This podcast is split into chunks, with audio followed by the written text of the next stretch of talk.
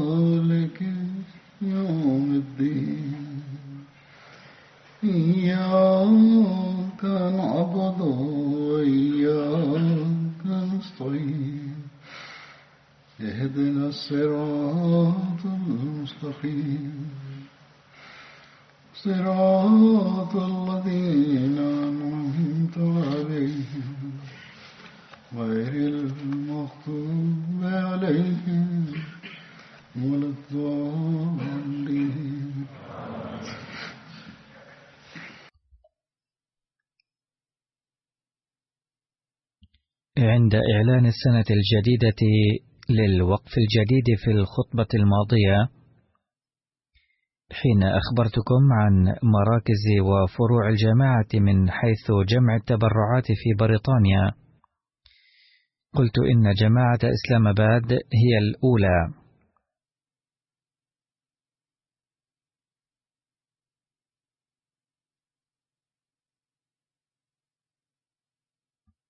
وتبين لاحقا أن المعلومة كانت خاطئة. إذ أن جماعة أولدشوت هي الأولى وإسلام آباد هي الثانية. لماذا وكيف حصل هالخطأ؟ لا أريد الخوض في هذا التفصيل. لقد رأيت التصحيح ضروريا لذا تناولته أولا. إن جماعة أولدرشوت بفضل الله تعالى تقدم تضحيات كبيرة وخاصة قد أخبرتني رئيسة لجنة إماء الله فيها أن بعض السيدات قدمن تضحية غير عادية. فحماسهن للتضحية مثالي. بارك الله تعالى في أموالهن ونفوسهن. في الخطبة الماضية بينت أحداث تضحيات الفقراء عموما في البلاد الفقيرة لكي ينشأ الإحساس في الأغنياء أيضا ويدركوا روح التضحية.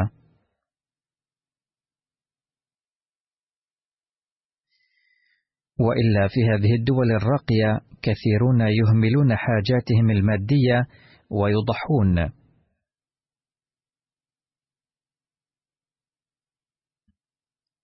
باختصار إن جماعة أولدرشوت كما قلت هي الأولى في فروع الجماعة في بريطانيا من حيث جمع تبرعات الوقف الجديد. الآن أعود إلى موضوع خطبة اليوم عن ذكر الصحابة البدريين. لقد تناولت ذكر سيدنا سعد بن عبادة في الخطبة قبل الماضية، وبقي شيء من ذكره سأتناوله اليوم.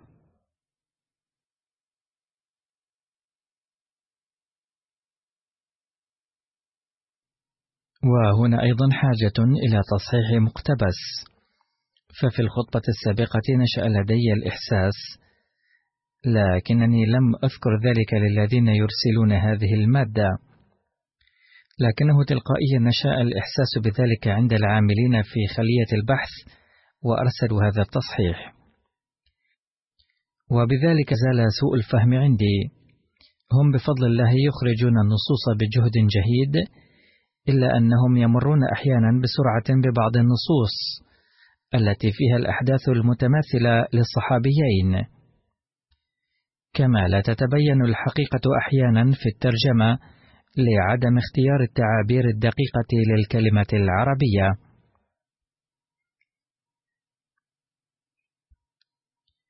على كل حال، أرسلوا هذا التصحيح من تلقاء أنفسهم، وأتناوله أولا، ثم أتابع الموضوع المتبقي.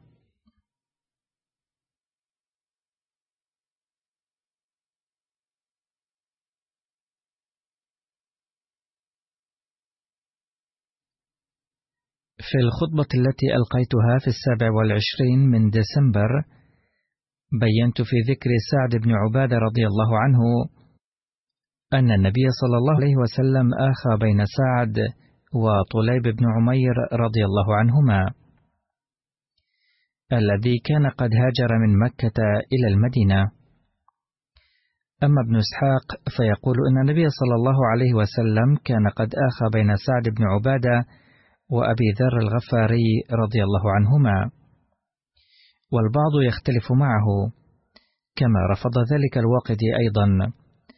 وحجته أن النبي صلى الله عليه وسلم آخى بين الصحابة قبل معركة بدر. وإلى ذلك الوقت لم يكن أبو ذر الغفاري قد جاء إلى المدينة ولم يحضر في بدر وأحد والخندق أيضا. بل كان قد جاء إلى النبي صلى الله عليه وسلم بعد كل هذه الغزوات. وهذا ما بينت وهذه حجته. لكنه ليس هكذا. فذكر المؤاخاة تلك كانت ضمن ذكر منذر بن عمرو بن خنيس. والكتاب الذي أخذ منه هذا التفصيل وهذا ما كتبه أصحاب خلية البحث كان قد ذكر فيه معه سعد بن عبادة أيضا.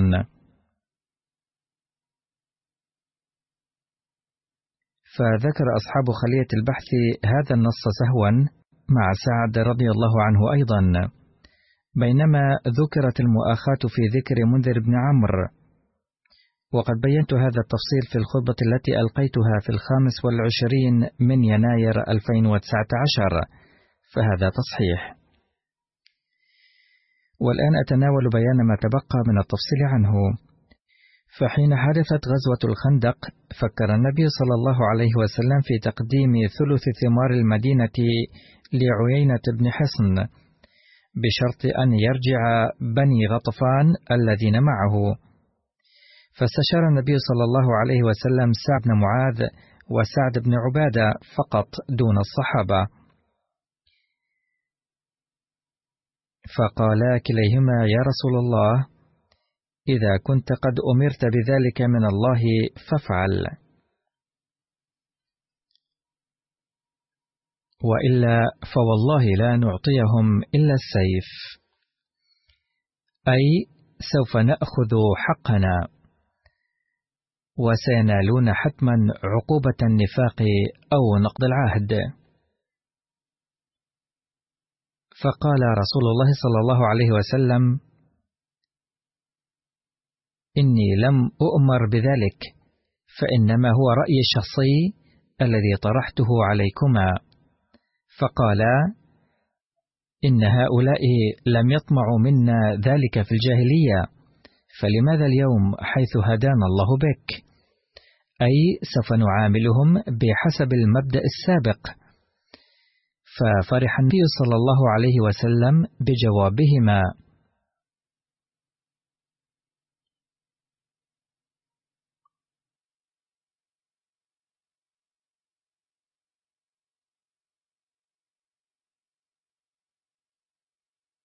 ولقد بين حضرة ميرزا بشير أحمد رضي الله عنه تفصيل ذلك في أحداث غزوة الخندق. كانت تلك الأيام أليمة ومقلقة ومخيفة جدا. وحيثما طال الحصار كان لابد أن تضعف مقاومة المسلمين.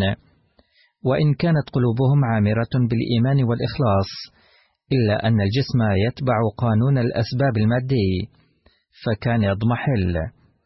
إذ لم تكن تتوفر حاجاته من الراحة والطعام بسبب الحصار. ومن ثمة كان يحصل التعب والضعف وهو أمر طبيعي.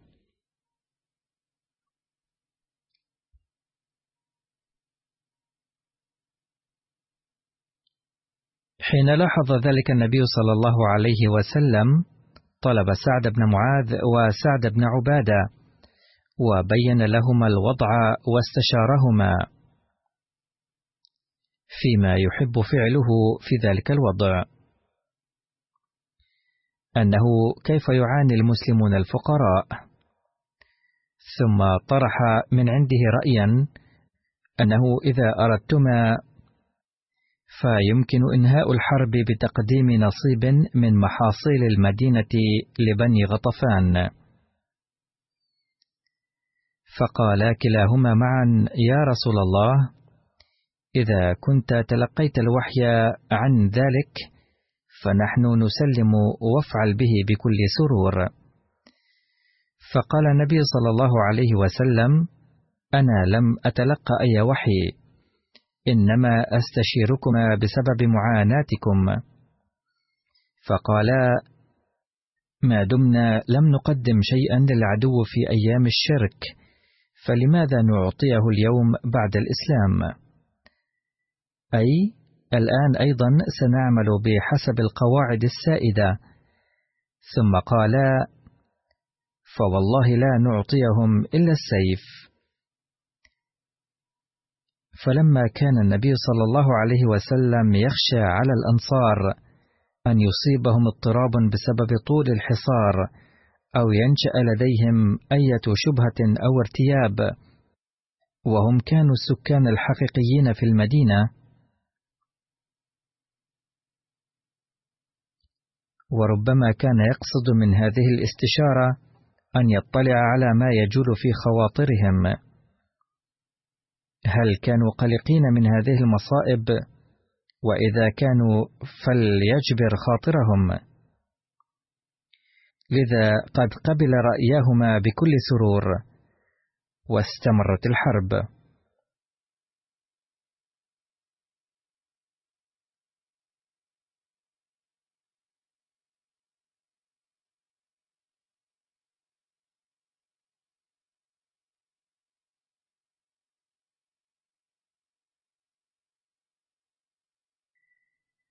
يقول مرزا بشير أحمد رضي الله عنه في بيان أحداث غزوة الخندق عن غدر بني قريظة. كانت من مكيدة أبي سفيان أنه وجه حيي بن أخطب زعيم قبيلة بني نضير اليهودية إلى حصن بني قريظة في ظلام الليل. ليتكلم مع زعيمهم كعب بن أسد ويسعى أن يحالفه بنو قريظة. فخرج حيي بن أخطب حتى أتى كعب بن أسد سيد قريظة فأغلق كعب حصنه أول الأمر ولم يأذن له قائلا قد عاهدت محمدا صلى الله عليه وسلم ولم أر منه إلا الوفاء. لذا لا أستطيع أن أغدر به.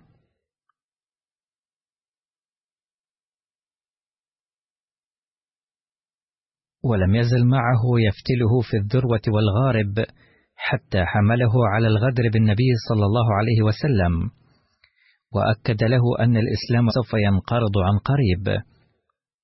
وبين بكل قوة عزمه ووعده أنه لن يعود من المدينة قبل القضاء على الإسلام. حتى رضي كعب أخيرا. وبذلك أضيفت إليهم قوة بني قريظة أيضا. وكانت كفتهم راجحة سلفا. وكانت عندهم قوة وقدرة مادية كبيرة. فلما علم النبي صلى الله عليه وسلم بالغدر الخطير لبني قريظة أرسل زبير بن العوام أولا مرتين أو ثلاثة في الخفاء للإستطلاع. ثم أرسل إلى بني قريظة سيدي الأوس والخزرج سعد بن معاذ وسعد بن عبادة وبعض الصحابة الآخرين ذوي النفوذ في صورة وفد رسمي. وأوصاهم أنه إذا وجدوا أمرا مخيفا فينبغي ألا يعلنوه علنا بل يذكروه إشارة وكناية لئلا ينشأ الإضطراب في الناس.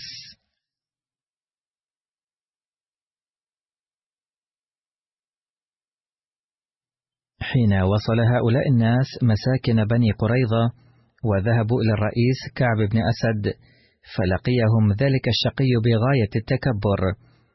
فذكر السعدان العهد فقال هو وأهل قبيلته بوقاحة اذهبوا لا عهد بيننا وبين محمد صلى الله عليه وسلم.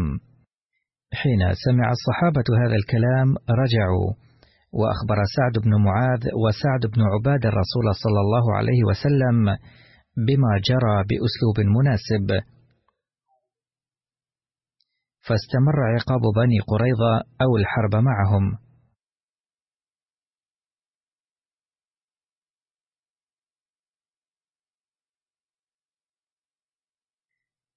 وفي مناسبة غزوة بني قريظة بعث سعد بن عبادة عددا من أحمال تمر للرسول صلى الله عليه وسلم وللمسلمين.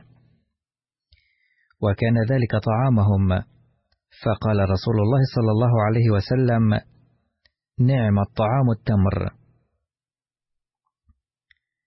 حدثت غزوة مؤتة في جماد الأولى سنة الثامنة للهجرة واستشى فيها زيد.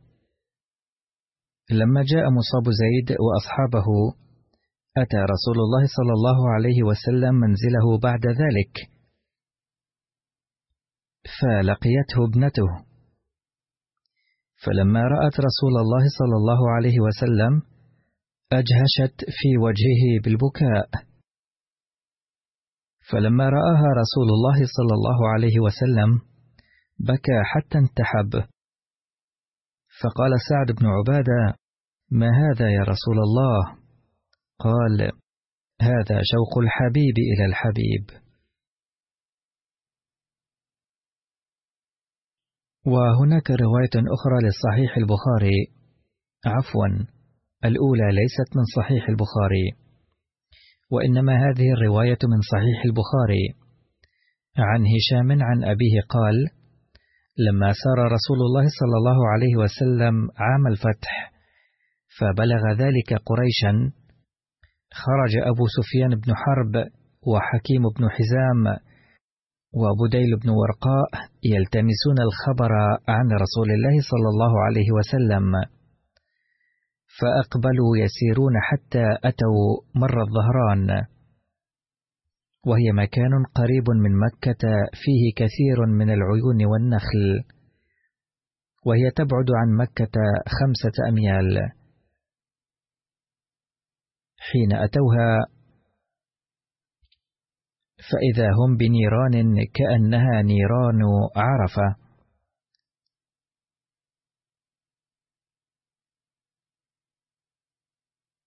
فقال أبو سفيان ما هذه؟ لكأنها نيران عرفة. فقال بديل بن ورقاء نيران بني عمرو. فقال أبو سفيان عمرو أقل من ذلك. فرآهم ناس من حرس رسول الله صلى الله عليه وسلم فأدركوهم فأخذوهم فأتوا بهم رسول الله صلى الله عليه وسلم. فأسلم أبو سفيان فلما سار النبي صلى الله عليه وسلم نحو مكة قال للعباس احبس أبا سفيان عند حطم الخيل حتى ينظر إلى المسلمين فحبسه العباس فجعلت القبائل تمر مع النبي صلى الله عليه وسلم. تمر كتيبة كتيبة على أبي سفيان. فمرت كتيبة قال يا عباس من هذه؟ قال هذه غفار. قال ما لي ولغفار. ثم مرت جهينة. قال مثل ذلك. ثم مرت سعد بن هذيم. فقال مثل ذلك. ومرت سليم. فقال مثل ذلك. حتى أقبلت كتيبة لم ير مثلها. قال من هذه؟ قال هؤلاء الأنصار عليهم سعد بن عبادة معه الراية. فقال سعد بن عبادة يا أبا سفيان اليوم يوم الملحمة اليوم تستحل الكعبة. فقال أبو سفيان يا عباس حبذا يوم الذمار. يعني لو كان في الجيش المقابل لكان يوم الذمار ولكنه كان قد أسلم. ثم جاءت كتيبة وهي أقل الكتائب. فيهم رسول الله صلى الله عليه وسلم وأصحابه. وراية النبي صلى الله عليه وسلم مع الزبير بن العوام. فلما مر رسول الله صلى الله عليه وسلم بأبي سفيان قال ألم تعلم ما قال سعد بن عبادة؟ قال النبي صلى الله عليه وسلم ما قال؟ قال أبو سفيان كذا وكذا. فقال كذب سعد ولكن هذا يوم يعظم الله فيه الكعبة ويوم تكسى فيه الكعبة أي لن تكون أي حر. لقد ذكر المصلح الموعود رضي الله عنه هذا الحادث ببعض التفصيل فقال حين قدم الجيش إلى مكة قال النبي صلى الله عليه وسلم للعباس احبسه بمضيق الوادي إلى حطم الجبل حتى تمر به جنود الله فيراها وإخلاصها. وفعل العباس ذلك. بدأت قبائل العرب تمر بأبي سفيان وصديقيه التي كان أهل مكة يعتمدون عليها. أي كان أهل مكة يظنون أن هؤلاء القبائل تساعدهم ضد المسلمين ولكنها كانت مع رسول صلى الله عليه وسلم. إنهم كانوا يرفعون اليوم راية الإسلام لا راية الكفر وكان على لسانهم إعلان وحدانية الله القادر وكانوا يزحفون في تشكيلات عسكرية ليضعوا حياتهم فداء للرسول صلى الله عليه وسلم. لا لكي يقضوا على حياته. كما كان أهل مكة يرجون بل كانوا مستعدين لسفك آخر قطرة من دمائهم دفاعا عن محمد صلى الله عليه وسلم. وكانت غاية أمنياتهم أن يقيموا وحدانية الله الواحد ويبلغوا رسالته في العالم.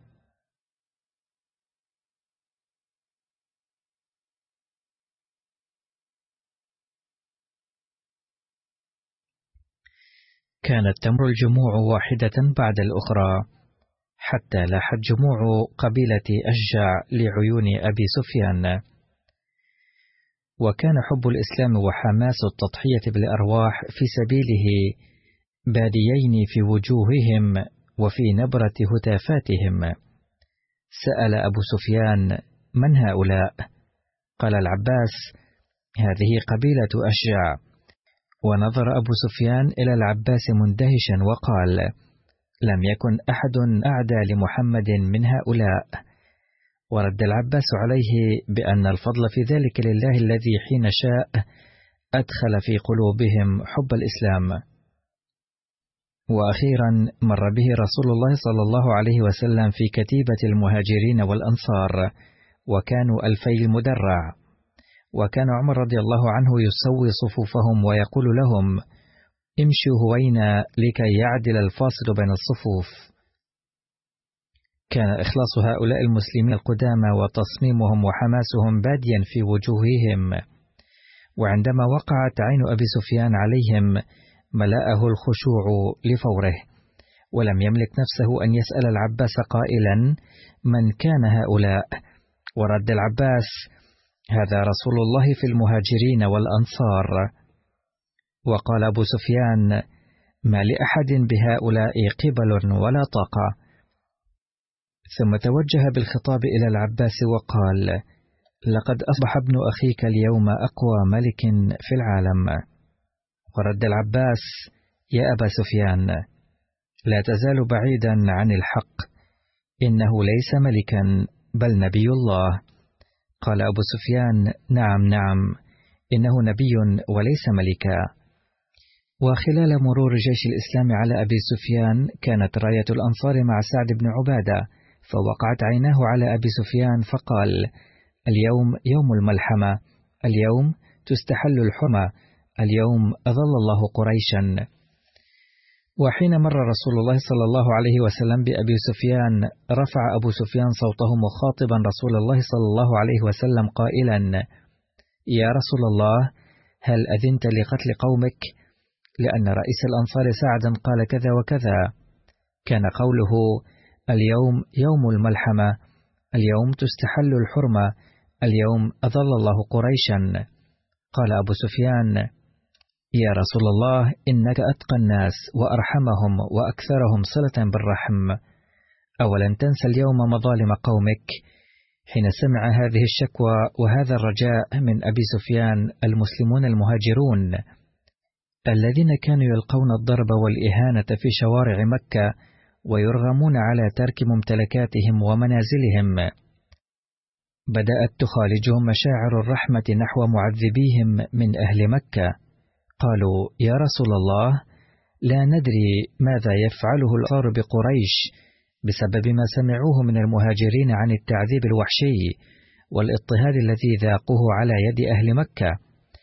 قال النبي صلى الله عليه وسلم لأبي سفيان لقد أخطأ سعد فاليوم يوم المرحمة واليوم سيعز الله تعالى قريشا والكعبة. ثم أرسل إلى سعد يأمره أن يسلم راية الأنصار لابنه قيس ليكون هو قائد الأنصار مكانه. هكذا أخذ الراية من سعد وأعطى ابنه وبذلك هدأ من روع مكة وفي الوقت نفسه حمى قلوب الأنصار أيضا من الصدمة. كان النبي صلى الله عليه وسلم يثق بقيس بن سعد أيما ثقة لأنه كان شابا نبيلا وورعا. قال المصلح معود رضي الله عنه ويمكن تبين مدى تقواه من حادثة سجلها التاريخ أنه قبل وفاته حين جاءه بعض الناس لعيادته ولم يأتي البعض فسأل أصدقاءه ما لي لا أرى بعض معارفي ليعودوني. كان قيس جوادا كريما يعين الناس على حوائجهم. وإذا استدانه أحد من ضيق يؤتيه المال فقال له أصدقاؤه إنك رجل كريم واستدان منك كثير من أهل البلدة ولا يعودونك مخافة أن تطالبهم بدينك بسبب حاجتك إلى المال. فقال قيس متأسفا لقد تعرض أصحابي للعناء بسبب ديوني عليهم. وإذا كان هذا هو السبب وراء عدم زيارتهم لي فنادوا في المدينة أن قيسا قد عفى من الدين كل من عليه دين له.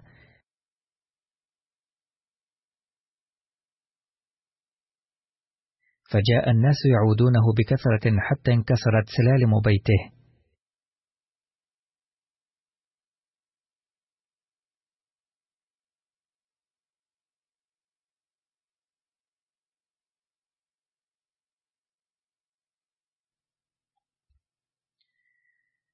تسمى غزوة حنين غزوة هوازن أيضا. وحنين ممر ضيق يقع على بعد ثلاثين ميلا بين مكة المكرمة والطائف. وقد وقعت غزوة حنين بعد فتح مكة في العام الثامن الهجري. قسم النبي صلى الله عليه وسلم غنائم هذه الحرب على المهاجرين فوجد الأنصار بذلك شيئا في قلوبهم. وقد وردت بهذا الصدد رواية تفصيلية في مسند أحمد بن حنبل عن أبي سعيد الخدري رضي الله عنه حيث قال: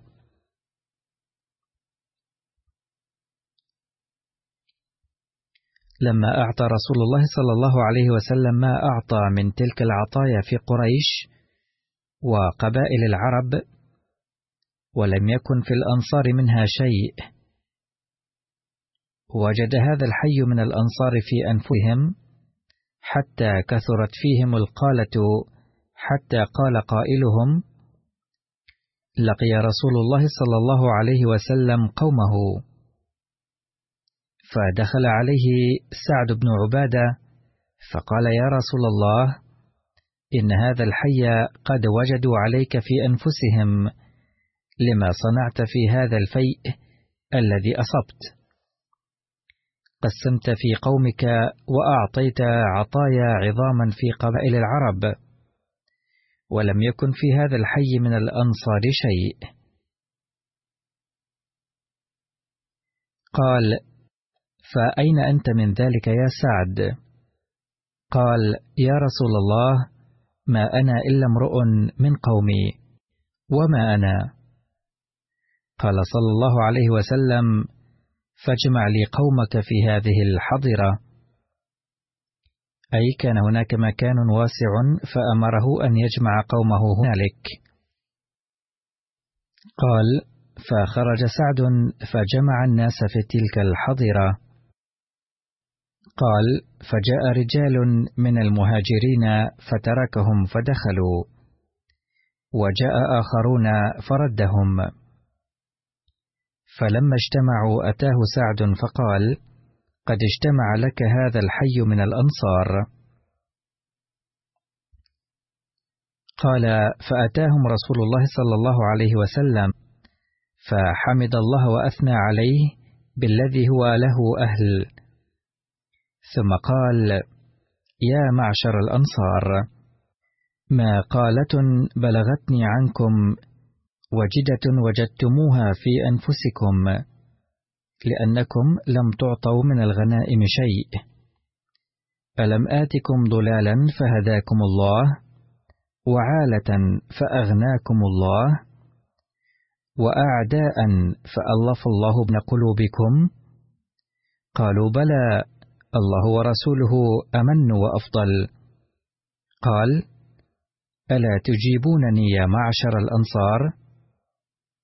قالوا وبما نجيبك يا رسول الله؟ ولله ولرسوله المن والفضل. قال أما والله لو شئتم لقلتم فلصدقتم وصدقتم. أتيتنا مكذبا فصدقناك ومخذولا فنصرناك وطريدا فآويناك وعائلا فأغنيناك. أوجدتم في أنفسكم يا معشر الأنصار في لعاكة من الدنيا بسبب حطامها تألفت بها قوما ليسلموا ويتقووا في إسلامهم ووكلتكم إلى إسلامكم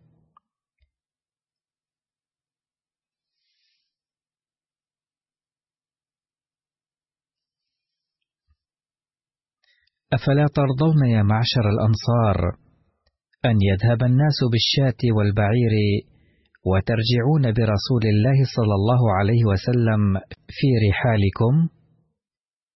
فوالذي نفس محمد بيده لولا الهجرة لكنت امرئا من الأنصار.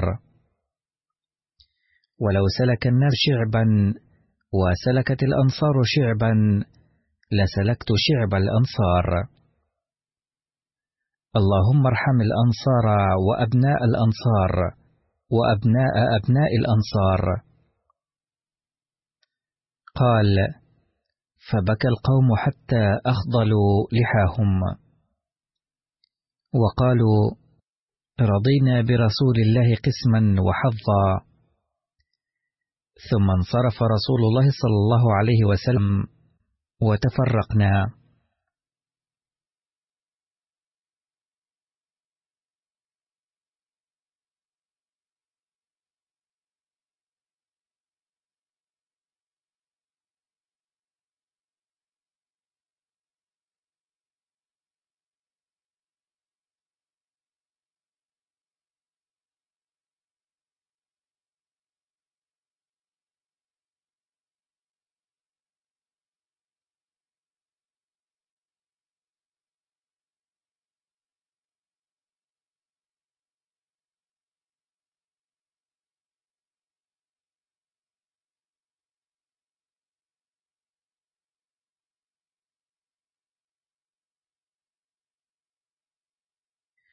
لما بلغ النبي صلى الله عليه وسلم مكان الحج في حجة الوداع ضلت ناقته وكان يركبها معه أبو بكر رضي الله عنه. كانت الناقة عند عبد لأبي بكر فضلت عنه بالليل. وكان صفوان بن المعطل وراء الجيش فوجدها وجاء بها وهي محملة بالزاد. لكن عندما بلغ سعد بن عبادة أن ناقة النبي صلى الله عليه وسلم قد ضلت جاءه صلى الله عليه وسلم مع ابنه قيس بجمل محمل بالزاد. وكان النبي صلى الله عليه وسلم عند باب حجرته وقبل أن يأتيه سعد كان الله تعالى قد رد له صلى الله عليه وسلم ناقته الضالة المحملة بالزاد. فقال سعد يا رسول الله بلغنا أن ناقتك قد ضلت فخذ راحلتنا مكانها. فقال رسول الله صلى الله عليه وسلم لقد رد لي الله تعالى ناقتي الضالة فارجعا براحلتكما بارك الله فيكما.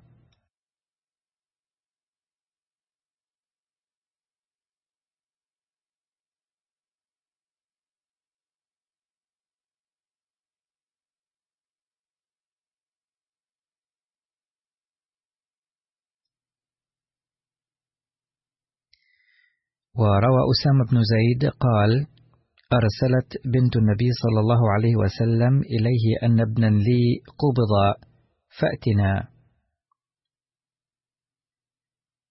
فأرسل اقرأ السلام ويقول إن لله ما أخذ وله ما أعطى وكل شيء عند الله بأجل مسمى فلتصبر ولتحتسب. فأرسلت إليه تقسم عليه ليأتينها. فقام ومعه سعد بن عبادة ومعاذ بن جبل وأبي بن كعب وزيد بن ثابت ورجال.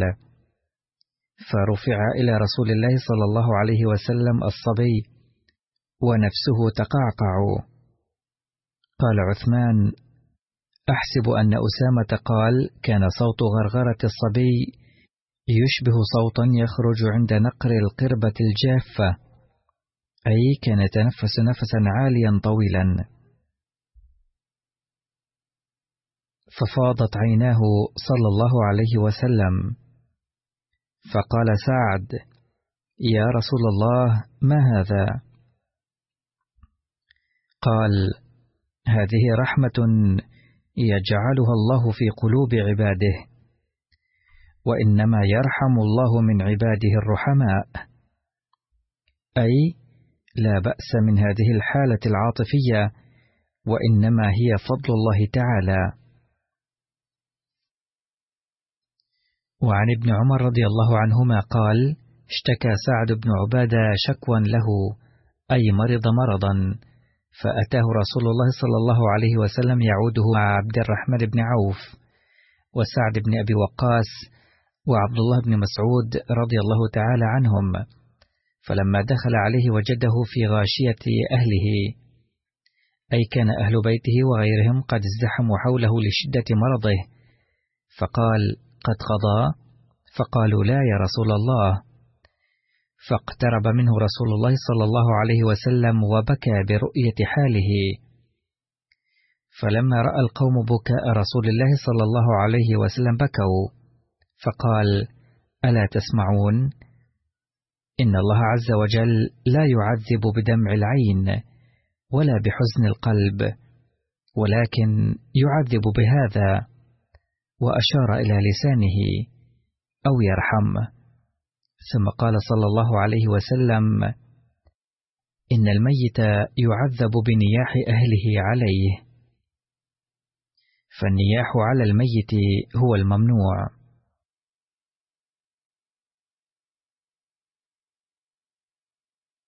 ربما غلب البكاء النبي صلى الله عليه وسلم برؤية حالة هذا الصحابي المريض أو بسبب الدعاء من أجله. ظن الآخرون أنه يبكي لأنه محتضر، فقال لهم النبي صلى الله عليه وسلم: أن البكاء ليس ممنوعا، بل الممنوع هو أن يسخط الإنسان على ظهور قضاء الله وقدره فإذا خرجت الدموع لكسب رضا الله تعالى فهي تجذب رحمته تعالى. أما إذا خرجت نتيجة عدم الرضاء وكانت تمثل النياحة فتجلب العقاب.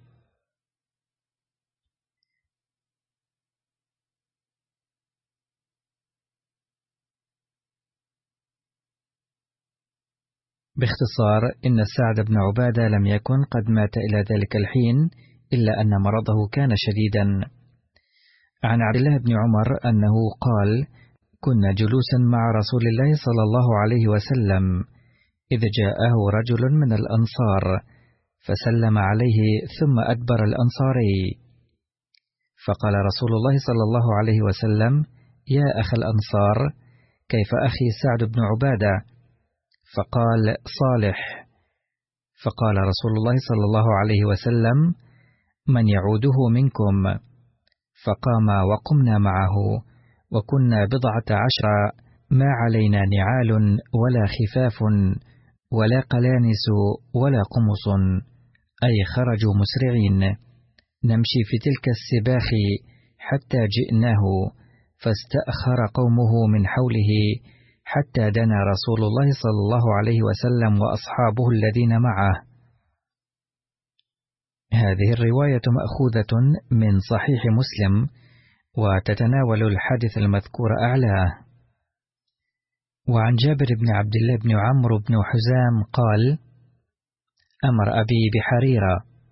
الحريرة طعام معروف يصنع من الدقيق والجبنة والماء. هذا تعريف الحريرة كما أخرج أعضاء خلية البحث من لغات الحديث. فصنعت. ثم أمرني فأتيت بها رسول الله صلى الله عليه وسلم. كان النبي صلى الله عليه وسلم عندئذ في البيت. فقال ما هذا يا جابر؟ ألحم ذا؟ قال فقلت لا يا رسول الله. ولكن أبي أمر بحريرة وأمرني أن آتيك بها فأخذها. ثم أتيت أبي فقال هل رأيت رسول الله صلى الله عليه وسلم؟ قلت نعم. قال ما قال؟ قال ألحم ذا يا جابر؟ فقلت لا يا رسول الله. ولكن أبي أمر بحريرة فصنعت وأمرني فأتيتك بها. فقال لي عسى أن يكون رسول الله صلى الله عليه وسلم اشتهى اللحم. فقام إلى داجن له فأمر بها فذبحت ثم أمر بها فشويت ثم أمرني فحملتها إلى رسول الله صلى الله عليه وسلم. فقال جزاكم الله معشر الأنصار خيرا ولا سيما عبد الله بن عمرو بن حرام وسعد بن عبادة.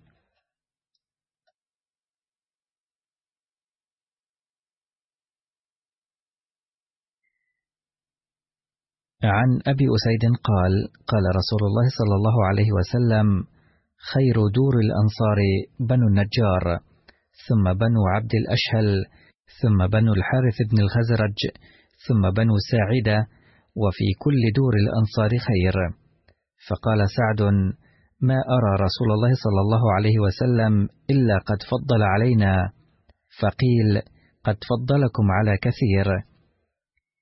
يشهد أبو أسيد أن رسول الله صلى الله عليه وسلم قال خير دور الأنصار بنو النجار ثم بنو عبد الأشهل ثم بنو الحارث بن الخزرج ثم بنو ساعدة وفي كل دور الأنصار خير.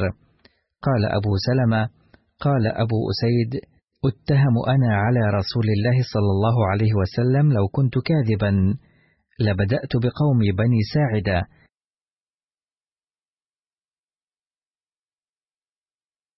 وبلغ ذلك سعد بن عبادة فوجد في نفسه وقال خلفنا فكنا آخر الأربع.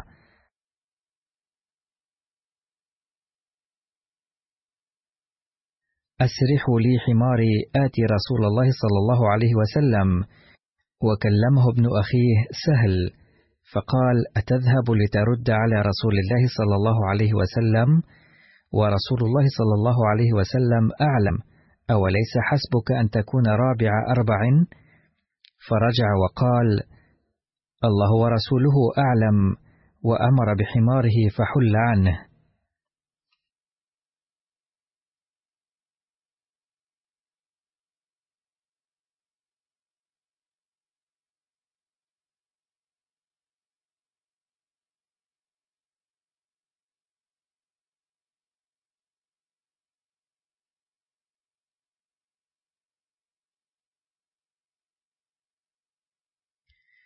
هذه الرواية أيضا مأخوذة من صحيح مسلم.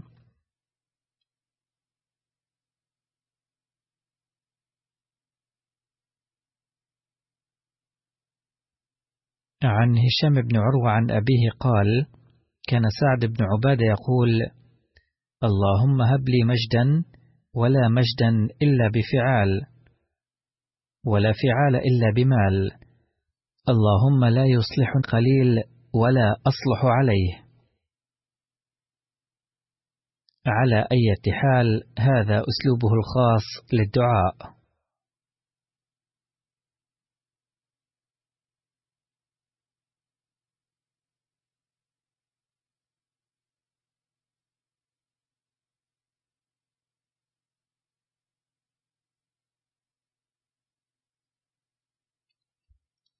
وفي رواية في صحيح مسلم عن أبي هريرة قال قال سعد بن عبادة يا رسول الله لو وجدت مع أهلي رجلا لم أمسه حتى آتي بأربعة شهداء. قال رسول الله صلى الله عليه وسلم نعم. قال كلا والذي بعثك بالحق إن كنت لأعاجله بالسيف قبل ذلك. قال رسول الله صلى الله عليه وسلم اسمعوا إلى ما يقول سيدكم إنه لغيور وأنا أغير منه والله أغير مني.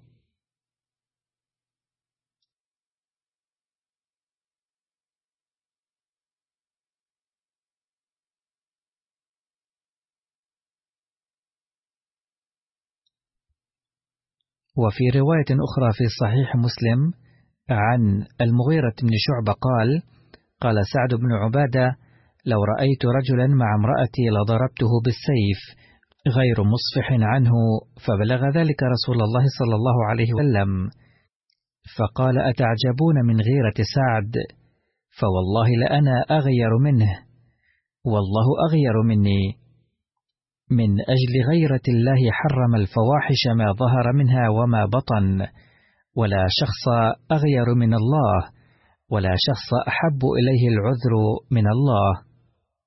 من أجل ذلك بعث الله المرسلين مبشرين ومنذرين. ولا شخص أحب إليه المدحة من الله. من أجل ذلك وعد الله الجنة.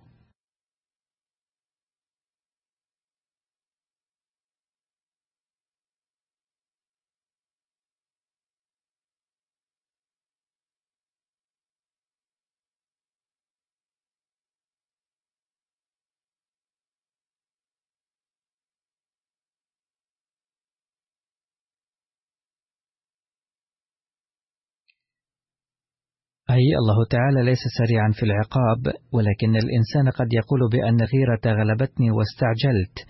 فالله تعالى يغفر للتائب ولا يكتفي بالغفران فقط بل ينعم عليه أيضا.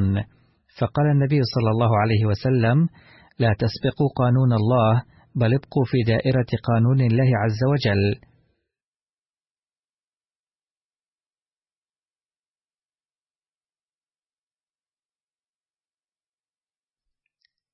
وجاء في رواية في مسند أحمد بن حنبل عن سعد بن عبادة عن رسول الله صلى الله عليه وسلم قال له: قم على صدقة بني فلان وانظر لا تأتي يوم القيامة ببكر تحمله على عاتقك أو على كاهلك له رغاء يوم القيامة.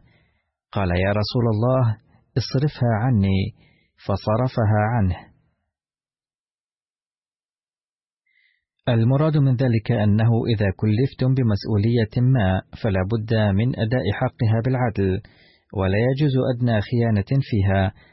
أما إذا خانها أحد ولم يعدل فهذا ذنب عظيم وسيسأل عنها يوم القيامة.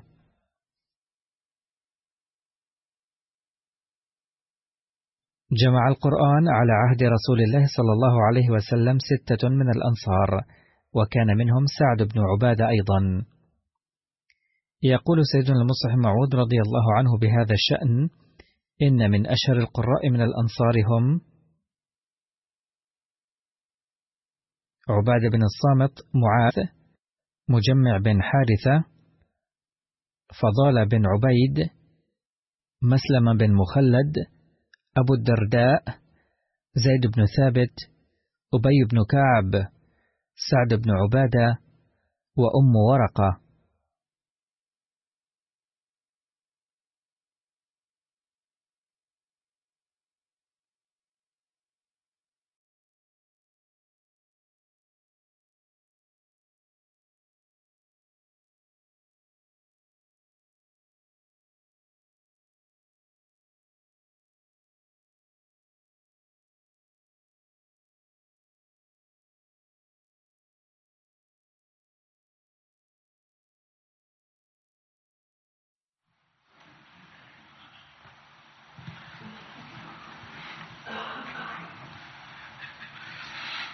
الحمد لله الحمد لله نحمده ونستعينه ونستغفره ونؤمن به ونتوكل عليه.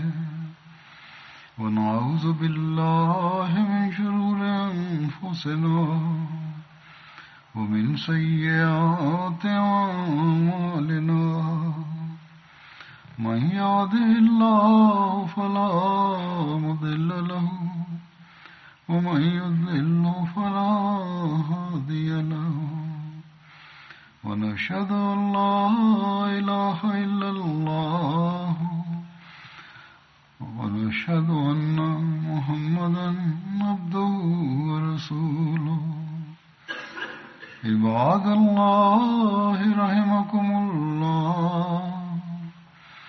إن الله يأمركم إن الله يأمر بالعدل واللسان وإيتاء ذي القربى وينهى عن الفحشاء والمنكر والبغي يعظكم لعلكم تذكرون.